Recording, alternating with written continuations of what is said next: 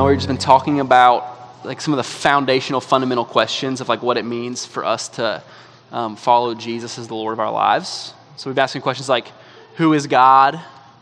You know, like easy questions for the summer, right? Who is Jesus? Today, who is the Holy Spirit? So get ready. Um, the, uh, the third person of the Trinity. Um, I'm excited about that this morning. But yes, we've been asking those questions. Uh, I, I, I, saw a study. I don't really know how to begin this this morning other than just say I saw a study this week um, that kind of like shocked me. And I was talking um, to Eddie about it actually, and I was like, I know studies and statistics are, are really you can just sort of make them say whatever you want. Like a statistic is like made up until it's not right, sixty percent of the time, whatever. There's a, there's a, there's a quote about that from Anchorman, right? But I saw this study this week, and it just like it made me stop sort of in my tracks, um, especially in, in, light of where we've been as a church and kind of where we're going. But there was a there were findings published by the Cultural Research Center of Arizona Christian University. I saw them actually; they were commented on by some people from Barna, sort of the kind of Christian gurus for kind of taking surveys and studies about Christian worldview in America and, stu- and stuff like that. But this survey was recently published; it was taken last year, and the results that kind of stood out to me were this: that 62 percent of self-identified born-again Christians. So, like again, that's a, that's a sub. It's a very sort of niche group, right? The people that would self-identify as born-again Christians. So I get there's some some issues there, maybe. But 62% of that group identified as as followers of Jesus, born again in the power of the Holy Spirit, contend or believe that the Holy Spirit, hear this, is not a real living being, but is merely a symbol of God's power, presence, or purity. Let me say that again 62% of American Christians surveyed in this poll who would say, Yes, I'm following Jesus. I've given my life to Jesus, to the ways of his kingdom, to the hope that comes only in his death, burial, and resurrection. 62% of those people surveyed in this study said that the Holy Spirit is not a real person, not a real living being, but is merely a symbol of God's power, presence, or purity. And if you're keeping notes, keeping score at home, that is a problem. like, it's a big problem. It's a big problem. And like I said, it's a study and it's a statistic, and you can make them say sort of what you want to say. So I'm not sharing this for the shock value of a headline. Like, don't go home and tweet out that Matt said the, the American church is apostate and all these things. Like, I'm not saying that. It's not for shock value. I'm just simply naming it as confirmation of what I think we can see in the cultural moment that we find ourselves in as a church. So while what it says, I can't say the word concretely. I always want to say concretely. So when I do that, don't make fun of me. Um, this is a safe place, right? To not be able to say concretely.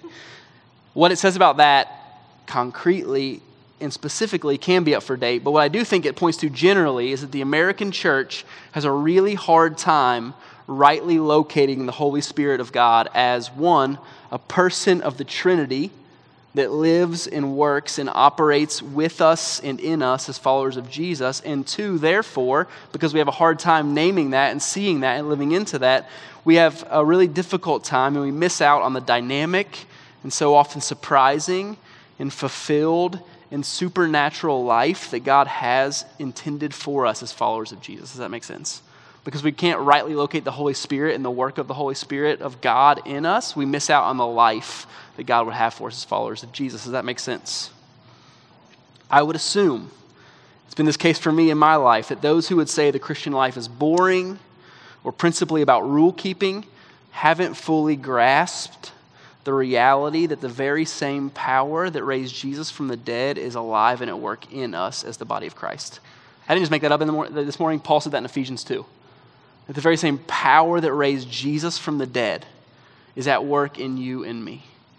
And because we've failed to rightly identify the Holy Spirit of God as a person of the Trinity, God Himself at work, alive in us and through us for His glory and our joy, we miss out on the dynamic, spirit filled life that He's inviting us into. And if that sounds like a big deal, I think it, it's because it is a big deal. Like, this is a big deal. And for us as a church this morning, that in, in, in, the ways that we're trying to, to live into God's vision for our lives, to live into a space of transformation that sets us on mission, to experience healing and restoration so that we might become agents of healing and restoration in the world. That's like what we're aiming at as a church family, to be reconciled to God so that as Paul says in 2 Corinthians, we might take up a ministry of reconciliation. Like that's what we're aiming at as a church family. Answering well the question, who is the Holy Spirit, is foundational and of the utmost importance if we're to experience that life. I believe that with all that I am. Why? Because everything I just named the redemption, the transformation, the healing, the restoration, the reconciliation with God, to God and to ourselves, to God and to our friends, to God and to our community. All of that is work that only the Holy Spirit of God does in Scripture. It's the work of the Holy Spirit. And if we want to step into those things, we have to rightly relate ourselves to the Holy Spirit of God. And if we think that the Holy Spirit is a force to be controlled, or a symbol to be thought about rather than a person to know and to do life with, we have little to no chance, I think, of experiencing the power that can only be found in that relationship. We got an inflatable pool the other day for the boys. Um, that's just kind of where we are. We didn't. We don't have a real pool. We have. A, I mean, it's a real pool in that you fill it up with water, but it's also tiny and inflatable on our back porch. So we got it for the boys because it was summer and we were all bored and going crazy in the house. And so we we started to inflate it last Saturday, and it took hours because uh, it's obviously just what it was meant to do. It just take hours. It takes forever, literally. Like there's not enough air in the universe to fill up that pool. It feels like.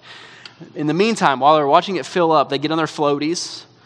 And I'm talking like just like little arm floaties like we had when I was a kid. Like I'm talking like the full on, they call them a puddle jumper. Have you seen these things? It's like a bulletproof vest for kids so they don't drown. It's wild.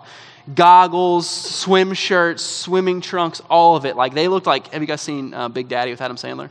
They look like Scuba Steve standing on our back porch, just like, have you guys seen this? If not, Google it later or right now if you, want, if you get bored. Um, they look just standing around the back of the pool on our back porch Brooks had some comments about us as a family based on the fact that we have an inflatable pool on our back porch. I won't say here because they weren't very nice. Um, they don't need floaties. The thing's four inches deep, right? But there they are, like Scuba Steve, ready to jump in. And so we get it. And Ezra, in the meantime, is our four year old. He's holding the one who sneezed on me during worship. I don't know if you guys saw that. I went from full, like, hand up to, like, guard my face. It was pretty impressive, I thought. Ezra, I gave him the hose, passed it up because our back porch is sort of like off the back of our house. And I passed it up to him. I said, hey, hold that. I'm to turn on I'm going to turn on the water. I'm going to open the spigot, and, um, and I want you to fill the pool up. So put it in the pool, buddy, when I turn it on. So I go and I turn the water on around the corner of our house, and I, am like, I should probably go back and check on him because he's a four year old and there's a hose full of water, and he just, who knows what he's doing with it. And I walk back on the back porch, and Ezra's just standing there, just flooding the deck. I'm like, dude, like, it's a pool. You got to put it in the pool to fill it up. And he's like, no, I know. And I was like, yeah, okay, cool. Then why aren't you doing it? Um, and he was like, well, it's cold. I'm waiting for it to get warm. And I was like, undone by my four year old, right? Like, I'm, I'm like, this is not a heated pool situation, bro. Like, we bought this thing on Amazon and I blew it up for four hours. Like, there's no. and I said, hey, dude, just put it in the pool. This water is not going to get warm. And as I said that, I realized the implications. I just read this study this week. I was just like in my heart, in my mind. I realized the implications of what I was saying to my four year olds. I discussed the reality of the plumbing of our house in the context of what I just named as this sort of results of this study, right? I said, but waiting will not make this water turn warm. Like, you could wait until Jesus comes back. This water's not getting warm. And he's like, why? And I was like, because, like, I said so. You know, I'm like distracted. He said, but inside, you told me to wait until the water gets warm when I wash my hands. Or, like, wait to get in the bathtub because the water's cold. It's going to get warm. So, why is that not true here? And I was like, that's a good point. Like, I began to say, like, um, dude, this, this hose, this is not connected to the water heater. By the way, do you guys say hot water heater or water heater? I need a poll. Who says hot water heater? It's redundant, right? I mean, y'all aren't admitting it. All y'all call it a hot water heater. like, come on. It's anyway. This one is not connected to the water heater. I said hot water heater. I'll name it. thank you, Chase, for being honest. I appreciate it. So this, this, this hose is not connected to the hot water heater. And he's like, what's that even mean? Like, it doesn't make any sense. In that moment, it hit me, right? How many of us are standing at the pool, like all geared up, ready to jump in, looking like Scuba Steve, just waiting for the warm water to come out of the hose, oblivious to the fact that it's not even connected to the source of the hot water and that it's never coming? See, because the hose on our back porch isn't related to, it's not connected to the source of hot water for our home. It can never be a conduit for hot water that my son is waiting for and expecting to come out of the end of it to fill up his pool. There is hot water at our house, it's available. It's ready, it's in a tank. It's ready to be brought to bear on our lives, but there is no chance that it could ever happen for Ezra because there was no relationship between the hose he was holding and the hot water heater. that provided it. And I read the results of that survey this week, and I thought, no wonder. Like, no wonder our churches seem powerless.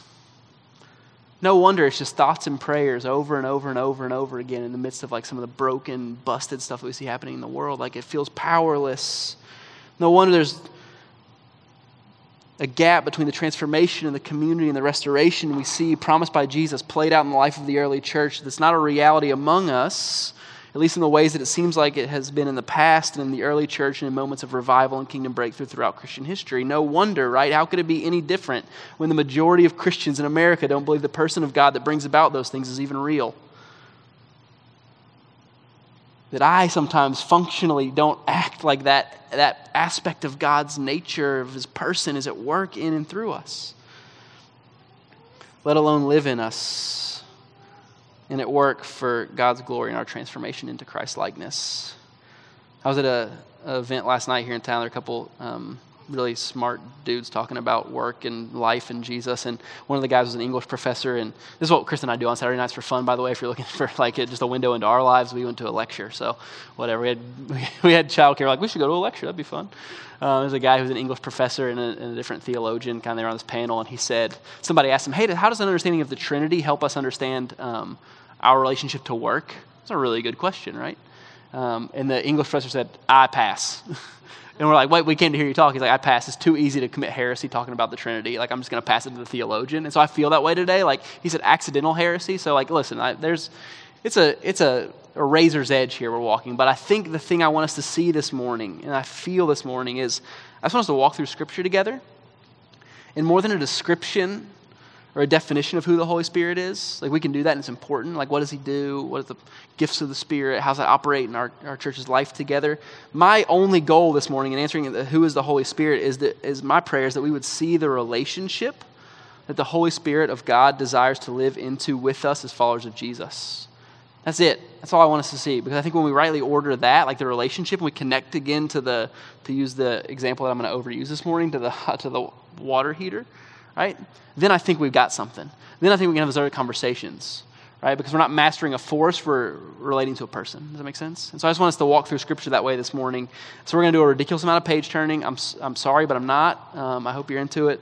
Um, and I pray that we will see that relationship that empowers us to live as sons and daughters of God, empowered by the very same Spirit, as I said, the very same power that raised Jesus from the dead, to live lives that are fully alive in Jesus. Does that make sense? That's kind of what we're going for. So hold on, grab your hats, and get your Bibles ready. Genesis chapter 1. This is the very beginning of the Bible. Last week, Brooks kind of helped us answer the question, or begin to answer the question, who is Jesus? And he began with John's gospel right in the beginning. So this is the beginning that John's gospel is, I think, playing off of as he sort of makes that point. But in the beginning, Genesis chapter 1.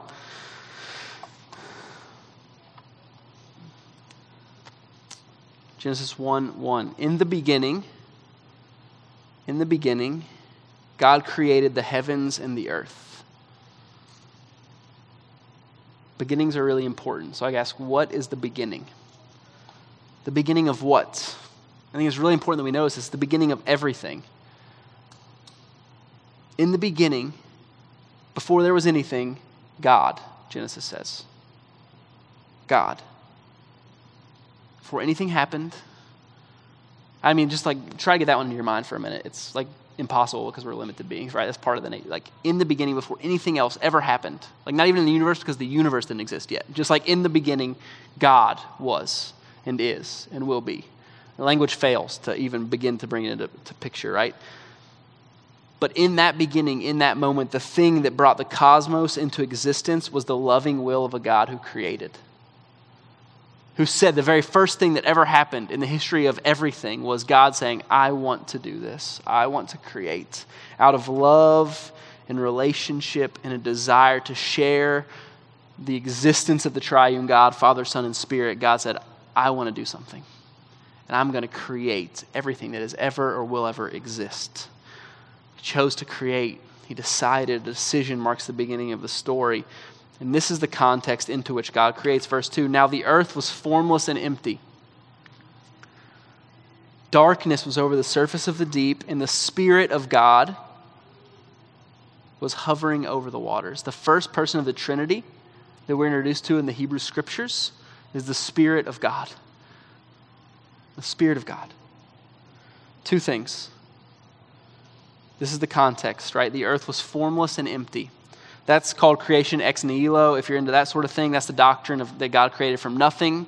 So he didn't use anything that existed. Nothing existed. He didn't use any power that existed. It was all within God's own self that he brings all this to bear, that he creates out of nothing forever and for everything. And that's cool. And knowing that might help you win a category on Jeopardy. And if you're really lucky, it might be the Daily Double, right? Like, but the really cool part of this story, I think, in this beginning, is the Hebrew sort of understanding of that phrase, formless and void. In Hebrew, it's the, it's the phrase tohu vavohu. You can say that with me if you want. It's really fun to say. That's part of the reason why they included it, right? So it becomes this mnemonic device. Tohu vavohu, right? Formless and void, formless and empty. That, that, that phrase is only used one other place in Scripture. And it's in a passage I guarantee you've never read because it's pretty depressing. Isaiah 34. So Isaiah, Isaiah 34, you don't have to turn there. Take my word for it. Isaiah 34 is this moment of God's judgment upon the nations that have done evil in his sight. It's rough. It's not good. Right? But in that chapter, there's, this phrase is used again, and it's translated in most of your Bibles as confused and empty. So, this picture of everything at the beginning, like, go there with me in your mind, that everything in the beginning was formless and void, it was confused and empty and I go, if you took a straw poll of like how people feel today, confused and empty might be like two adjectives that are on the list, right? Like as much as things change, I'm not sure that things have changed that much. But in the beginning, God looks out, and over the confusion, the emptiness, God orders and He creates. He clarifies the confusion, right? And He creates, and then He fills His creation with His Spirit. And He fills His creation with good and beautiful things right? That's the picture that we get. That he takes that which is confused and empty and he brings reason and logic and order and wisdom and love to it. That in his great love and power, God orders and fills. And if you want to read scripture from a point of a thematic sort of picture, that's what God does over and over and over again. He does it in creation, He orders and fills the confusion and the chaos. He does it in Israel, right? He says to Abraham, I'm going to make you a great nation. He creates this family, he orders, and then he says, I'm going to come and I'm going to dwell among you in the tabernacle, right? He fills his creation. He does it in the person of Jesus. He does it in the early church. He'll do it again in the new creations, in the new heaven and new earth. This is what God does. He continually brings order and beauty and majesty to that which he's creating. Second thing I want you to, I want you to notice in Genesis 1 2 is that it took precisely two verses in the Hebrew scriptures to expose the busted theology that 62% of survey takers demonstrated when they said the Holy Spirit wasn't real. Two verses into the Bible. We see the Spirit of God, the person of the Spirit of God hovering over the waters. Now, again, the waters in the ancient Near East are like, they represent all that is unknowable and all the chaos of the universe, right? So, you, so if you look at like ancient literature, water is always like the big scary right? If you look at the end of the story in Revelation, when the new heavens and the new earth can, can uh, descend, there is no sea because there is no chaos, there is no brokenness, there is no that which is scary and other. God has calmed the chaos powers of the universe, right? In the, in the new creation. You see Israel crossing the Jordan River, like God goes first into the water because the water and the chaos is represented by all of the gods and all of the people of the land they're going to go into is represented by the river. And God says, I'll go first. God parsed the Red Sea. God is always interjecting himself into the chaos, right? So you see God, the Spirit of God, hovering over the chaotic waters in the very beginning.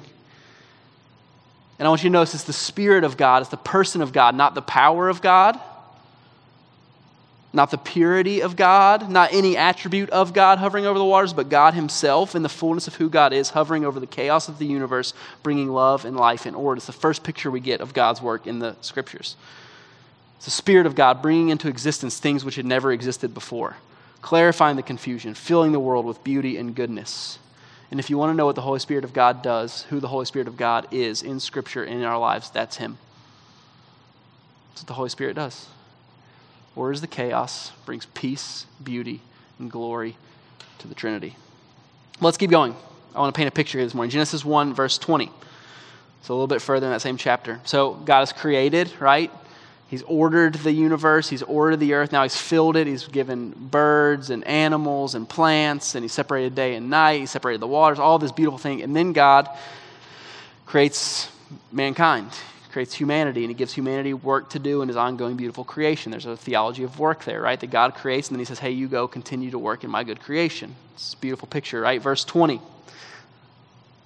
So the man, Adam, gave names to all the livestock, the birds in the sky, and all the wild animals. But for Adam, no suitable helper was found. So the Lord God caused the man to fall into a deep sleep.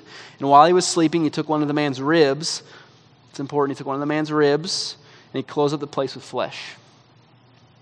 Then the Lord God made a woman from the rib he had taken out of the man, he, and he brought her to the man. There's a picture, right, of this hole in creation where God has created, it's good, it's good, it's good. He looks up, there's this missing piece, right? That humanity was always meant to live in community, just as the triune God has always lived in loving, self giving community, right? He says, Adam's not good for you to be alone. And he takes from his side and he makes woman this beautiful sort of picture, right? That we could spend a lot of time talking about, like, like what that means for the church and what that means for how we relate to one another and the co-working sort of beauty, beautiful way that men and women together are only capable of embodying the full image of God in the, in the, in the creation. We can talk about all of that, we should talk about all of that. We will talk about all of that. But the thing that I want us to notice this morning is that when God makes Adam fall asleep and performs the first surgery in human history, right? He takes a rib. That word rib is translated as rib only one time in the entire Hebrew scriptures, and it's right here. Some of your Bibles may say he took from Adam's side. And that's the word normally. Selah is normally translated side. But it's not just any side. It's not like the side of like, you know, a cow or anything. Normally it's it's in reference and used to reference the side of a holy building, a holy structure, a temple. More specifically, Exodus 25, the tabernacle. So if you want to go read about the tabernacle, I know we're getting deep in it for a minute, but just hang on with me because it's really, really important the tabernacle was this beautiful tent, not just any tent, this really like ornate, beautiful tent that God has his people um, craft after they're delivered out of Egyptian bondage and slavery into the promised land, well, on their way to the promised land with God. God says, Hey, I want to be with you. So build this tabernacle, build this tent. In this tent, I will dwell. And that word tsela, the word used for Adam's rib, is the side of the tabernacle where God would dwell. And so, what I want you to see in this beautiful moment is God creating Adam and Eve and saying, hey, here's the deal your bodies, your bodies have always been intended to be a dwelling place, a temple for the Holy Spirit of God to reside. From the beginning. You see this move of God creating and then desiring to inhabit and to fill? That most theologians and scholars believe that the creation narrative, more than anything else, is a narrative of God building himself a temple in which he will dwell that God will come to live among his people. That the mission of God from the very beginning is to be as close to you and I as he can be, right? And so he, from the very beginning, you get this picture of God wanting to be with us. From the beginning of everything, God has done everything that God could do to be close to you. I just want to name that this morning. To be with you. And it is the Holy Spirit of God, the person of the Trinity, that makes it possible not just for God to indwell us, but but also makes it all possible by bringing the creative power and energy to the moment that is required to make that happen. So let's jump ahead just a little bit. That's kind of the paradigm, the picture that I want us to see as we go, as we move in. God, as we move sort of forward in Scripture, God wanting to be with His people, creating temples and places for His Spirit to dwell. Right, and we get to Jesus. So last week Brooks did an amazing job, I think, of helping us think through the question, "Who is Jesus?" And the text that he used was John chapter one, the story of God in the person of Jesus coming close and coming to be with us. Are you seeing the theme? Right? God always fighting, always working to be with us, to be close to us, tearing down barriers, removing walls that would stand between him and us as he becomes all the way near. And so God, so Brooks, so God, Brooks, I just called you God. Um, I don't know what that means. I didn't mean it.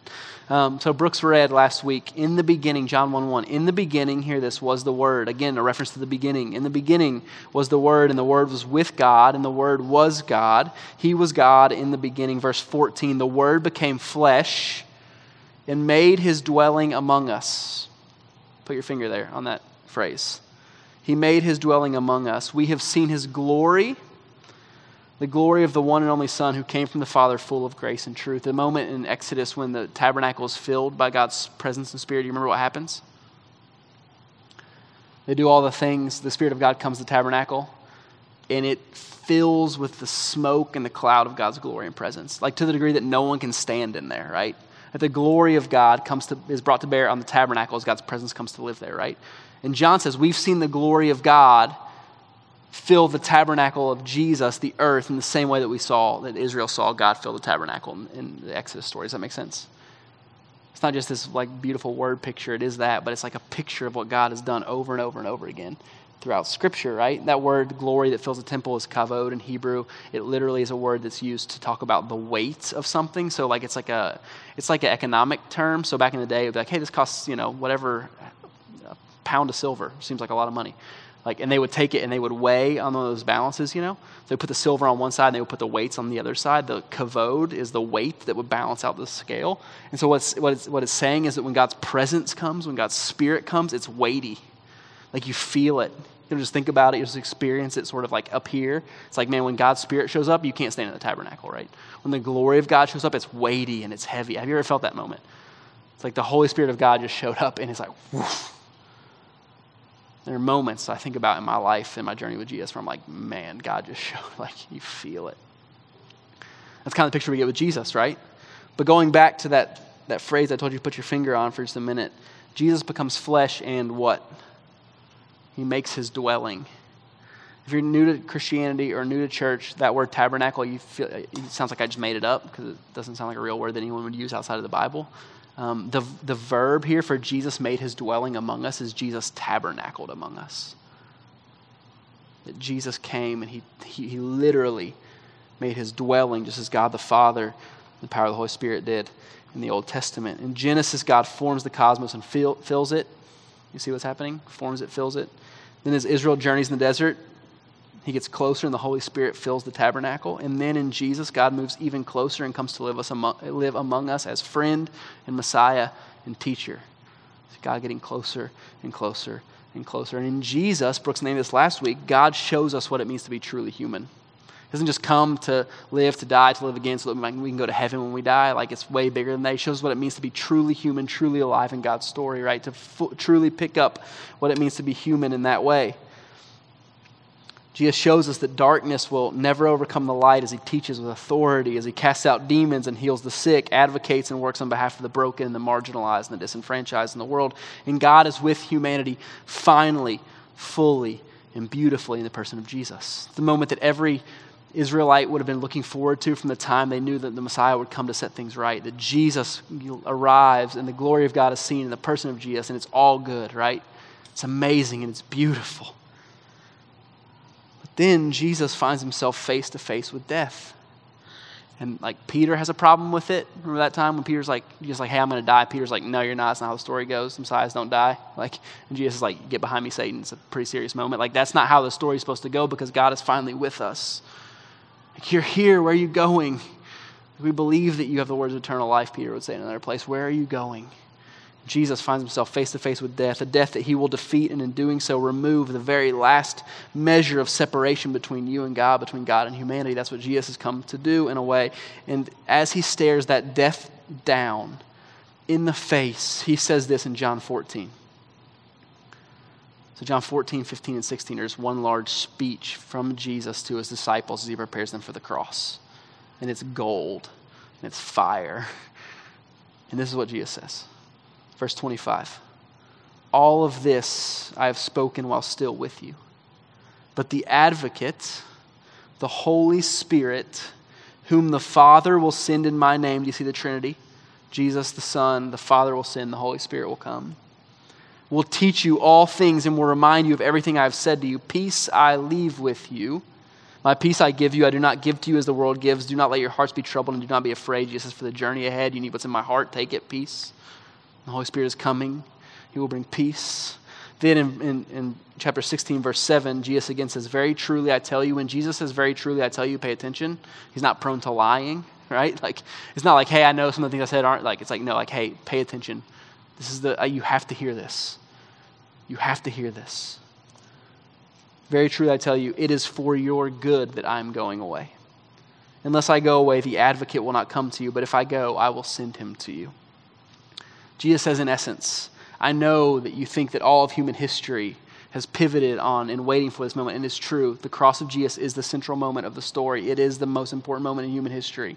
Every moment before it looks toward it, every moment past it looks back to it. I'm not diminishing it all, but Jesus says, that what I'm about to accomplish in my death and burial and resurrection makes a way for the Holy Spirit of God to come and to live with you and among you and in you. And that's better for you than if I were here face to face. That's better.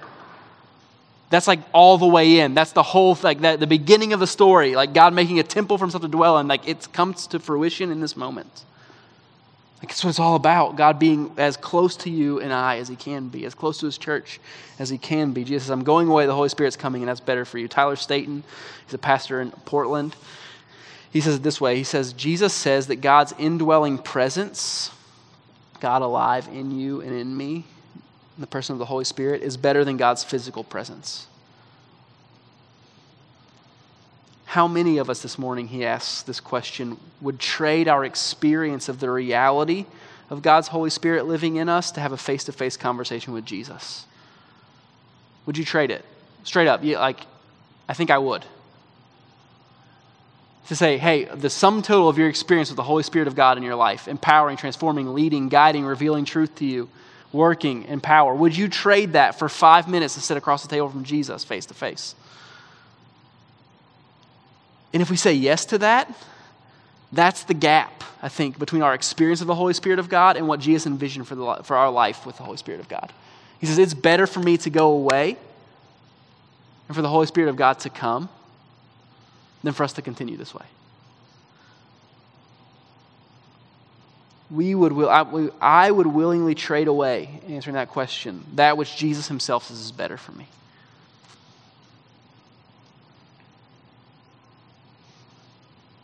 So Jesus says this to the disciples. They're not down with it because they're like me. They're like, actually, Jesus, just, why don't you just stay? Like, I don't know if it gets much better than this. Like, why don't you just stay? And he goes to the cross and he dies. And they find themselves in an upper room waiting for him to come back, maybe, if he's going to. They're just like terrified and alone and scared together. And Jesus comes walking through the door because Jesus is awesome like that. The resurrected Jesus, like, I'm not even going to open, I'm just going to walk through it. And he shows up to them in John chapter 20, and this is what he says in, 20, in verse 21. Again, Jesus said, remember what he said before he left? Peace. I'm giving my peace to you, right? On the other side of death, on the other side of the brokenness, on the other side of all of it, on the other side of the lack of peace, Jesus comes back into the room and he says, Peace. Peace be with you. As the Father has sent me, I am sending you. And with that, he breathed on them and he said, Receive the Holy Spirit. You remember the beginning of the story? Not just the beginning of Jesus' story, but the beginning of the very, like, quintessential story. Genesis 1 that God, the Spirit of God, hovers over the waters and the word spirit in Hebrew is the word ruach, it's the word breath. That the breath of God speaks everything into his existence as ever lived. And now Jesus, God incarnate, looks at his disciples and he breathes on them. And he says, Receive the Holy Spirit of God. He says, The Spirit that filled Adam's lungs in the very first moment of human history, it now fills your hearts and souls and lives as you go forward in the kingdom of God. Jesus says, Receive the Holy Spirit, receive the Holy Spirit, receive that which has been promised, receive the person of God in you that work through you for the glory of God and your great joy. It's a huge moment. In Ephesians, 9, in Ephesians 2, and we'll be done this morning, because that's one thing for us to realize just as individuals. It's a beautiful picture. I want to, I want to leave time around communion this morning for us to think about what it means for us to receive the Holy Spirit in that way. But there's more. Ephesians 2, Paul says this. Talking to the church where Gentile Christians and Jewish Christians are coming together and being knit together in a family, and the church of Jesus, people being brought together in ways that only the church can bring people together. Religious differences, socioeconomic differences, class differences, ethnic differences. Jesus is like, no, I'm making one family. Paul says this, Ephesians chapter 2, verse 19. Consequently, to that group of people, he says, You are no longer foreigners and strangers but fellow citizens with God's people and also members of his household. Members of his household. Verse 20, built on the foundation of the apostles and prophets, with Christ Jesus himself as the chief cornerstone. In him, hear the language, the whole building is joined together and rises to become what? Audience participation. Who's got the Bible? Rises to become a holy temple in the Lord. And in him, you too are being built together to become a dwelling in which God lives by his Spirit. This is the picture of the church. God's always been about building a temple, a temple in which He could dwell and live. And it's in you and in us that the Holy Spirit of God has come to dwell and to build us into a temple. A temple, what happens at a temple?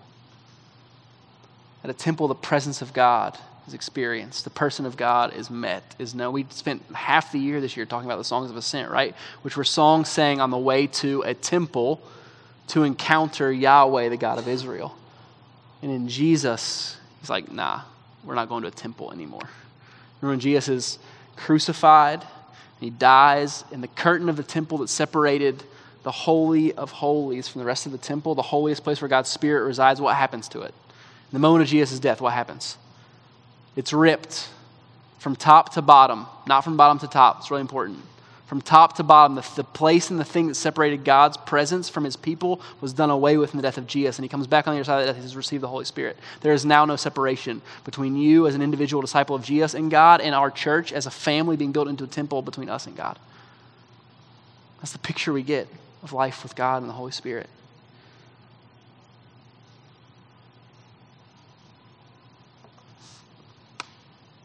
And I don't I don't know what to do with that at times. I'll be honest. There's a lot of questions like, what's that look like? How's that work itself out in our community? But I think the, the invitation is to walk into that together, knowing who God is in His Spirit, knowing that His Spirit dwells among us and is alive and at work among us, doing that which He's always done, ordering and filling, clarifying the confusion, holding the chaos at bay, and building for Himself a place in which He can dwell for His glory and our joy. And I go this morning, sort of as we finish, I just want to ask you this question. We're going to take communion here in a second. Did you know that? Like, like in your like uh, maybe in your head, yes, but in your heart, do you know that? Can we let that sink all the way into our heart this morning? Maybe that you're here for the first time and you're like, this dude's talking about a spirit and Jesus and creation and like what's going on. I go, do you know that? It's the truest thing about God and his feeling toward you that he, has, that he has worked from the beginning of time to be as close to you as he can be. And Paul would say that which God has done for us as individuals, created us, ordered us, filled us with His Spirit, God also wants to do that in the community that is the church by the power of the Spirit. God and the Holy Spirit has always wanted to, always desired to, always worked toward living in this space in our community, in our lives together. I think back to the picture of Ezra standing there holding the hose. I'm just like, man, the hot water's never coming, but what would happen? What would happen if we connected the pipes, right? What would happen if we changed the way we relate to God and understood His desire to relate to us? What would it look like when, when our community, because of the indwelling presence of the Holy Spirit of God, became a conduit for the grace and the mercy and the love of God that's been flowing from the Trinity through and into creation from the beginning of time? What would it look like in this space? Like I have to think that, that the transformation we're praying about and believe can happen will begin to happen, the healing, the restoration. This is two weeks in a row we've been praying for our city because there have been mass shootings in our city. And I go, man, I just think that the Holy Spirit of God at work and the people of God has something to say about that. I don't know what that looks like. But I think it's on the table for us. And for you this morning, if you've been here and you followed Jesus for a season, like what would it look like again to, to receive the Holy Spirit in that way? It was the invitation of the, uh, of the Spirit of God as we, as, we, as we gather to receive the Holy Spirit. That Jesus would speak to his church, receive the Holy Spirit again this morning. And so I just want to leave that with you this morning as we take communion. We're gonna we're gonna take communion. It's on if you've never been here before, it's on the bars to my right and my left. Feel free to grab it. Come back to your seats, sit alone, talk to people around the tables, gather. But I encourage you, like on the other side of this meal, Jesus comes back and he looks at his disciples and he says, Receive the Holy Spirit. What would it look like for us this morning? If we receive the Holy Spirit, not as a power to be wielded, not as gifts to be celebrated or to be used, like, but as a person, as God Himself, who wants to come and to live among us. And I don't know where you're at this morning. Uh, we have a we have a trough in the back. We fill it up and we, we do baptism. It's here. We'll fill it up anytime. But I, I thought this week, this morning as I was driving in, the Spirit of God, like that hovered over the waters in the, in the beginning of all of this, was the very same Spirit of God that hovered over Mary and conceived Jesus and brought Jesus into the world. The very same Spirit of God that hovered over those two spaces in time and history hovers over, I believe, the waters of baptism. And then as we're baptized into Jesus, we're raised into new life, new creation by the Holy Spirit of God, transformed and set free to walk in the things of God to the glory of God and for our great joy. And so this morning I just think like it's not it's impossible to talk about the Holy Spirit and then talk about the invitation of the Holy Spirit. The invitation that Jesus offers us to receive the Holy Spirit in that way. So if this morning, if you want to be baptized, um, let me know. I'd love to talk about it, to, to pray with you about it in the back. This wasn't planned, but I just feel like this sort of like invitation into that this morning. We'll fill the tub up. Like it'll be awesome. We'll hang out. Um, we'd love to do that this morning if, if that's something that God is doing, inviting you into through His Spirit for His glory. So let me pray for us, and then we'll, we'll take communion together. So, Lord, we love you. And Jesus, we thank you. God, would you, as we prayed a couple weeks ago, would you just have the first word here in this space as we think about your Spirit at work among us? Would you convict us and convince us of the places that we've that we've maybe sort of accidentally fallen into a belief about your spirit that says like you're a symbol God or that something we talk about we don't really understand as we just hold at arm's length. I pray that your spirit would just move in this space. The very same spirit, Jesus, that raised you from the dead that we celebrate now in community and in communion together. That you would remind us that that spirit is at work among us this morning. That you still raise dead things to life that you still bring the dead places in our hearts out of the tomb and into the resurrection life. I pray that you would help us to, to receive your Holy Spirit in that way, God. You are welcome here. We love you. In the name of Jesus, we pray by the power of the Spirit to the glory of the Father. Amen. Amen.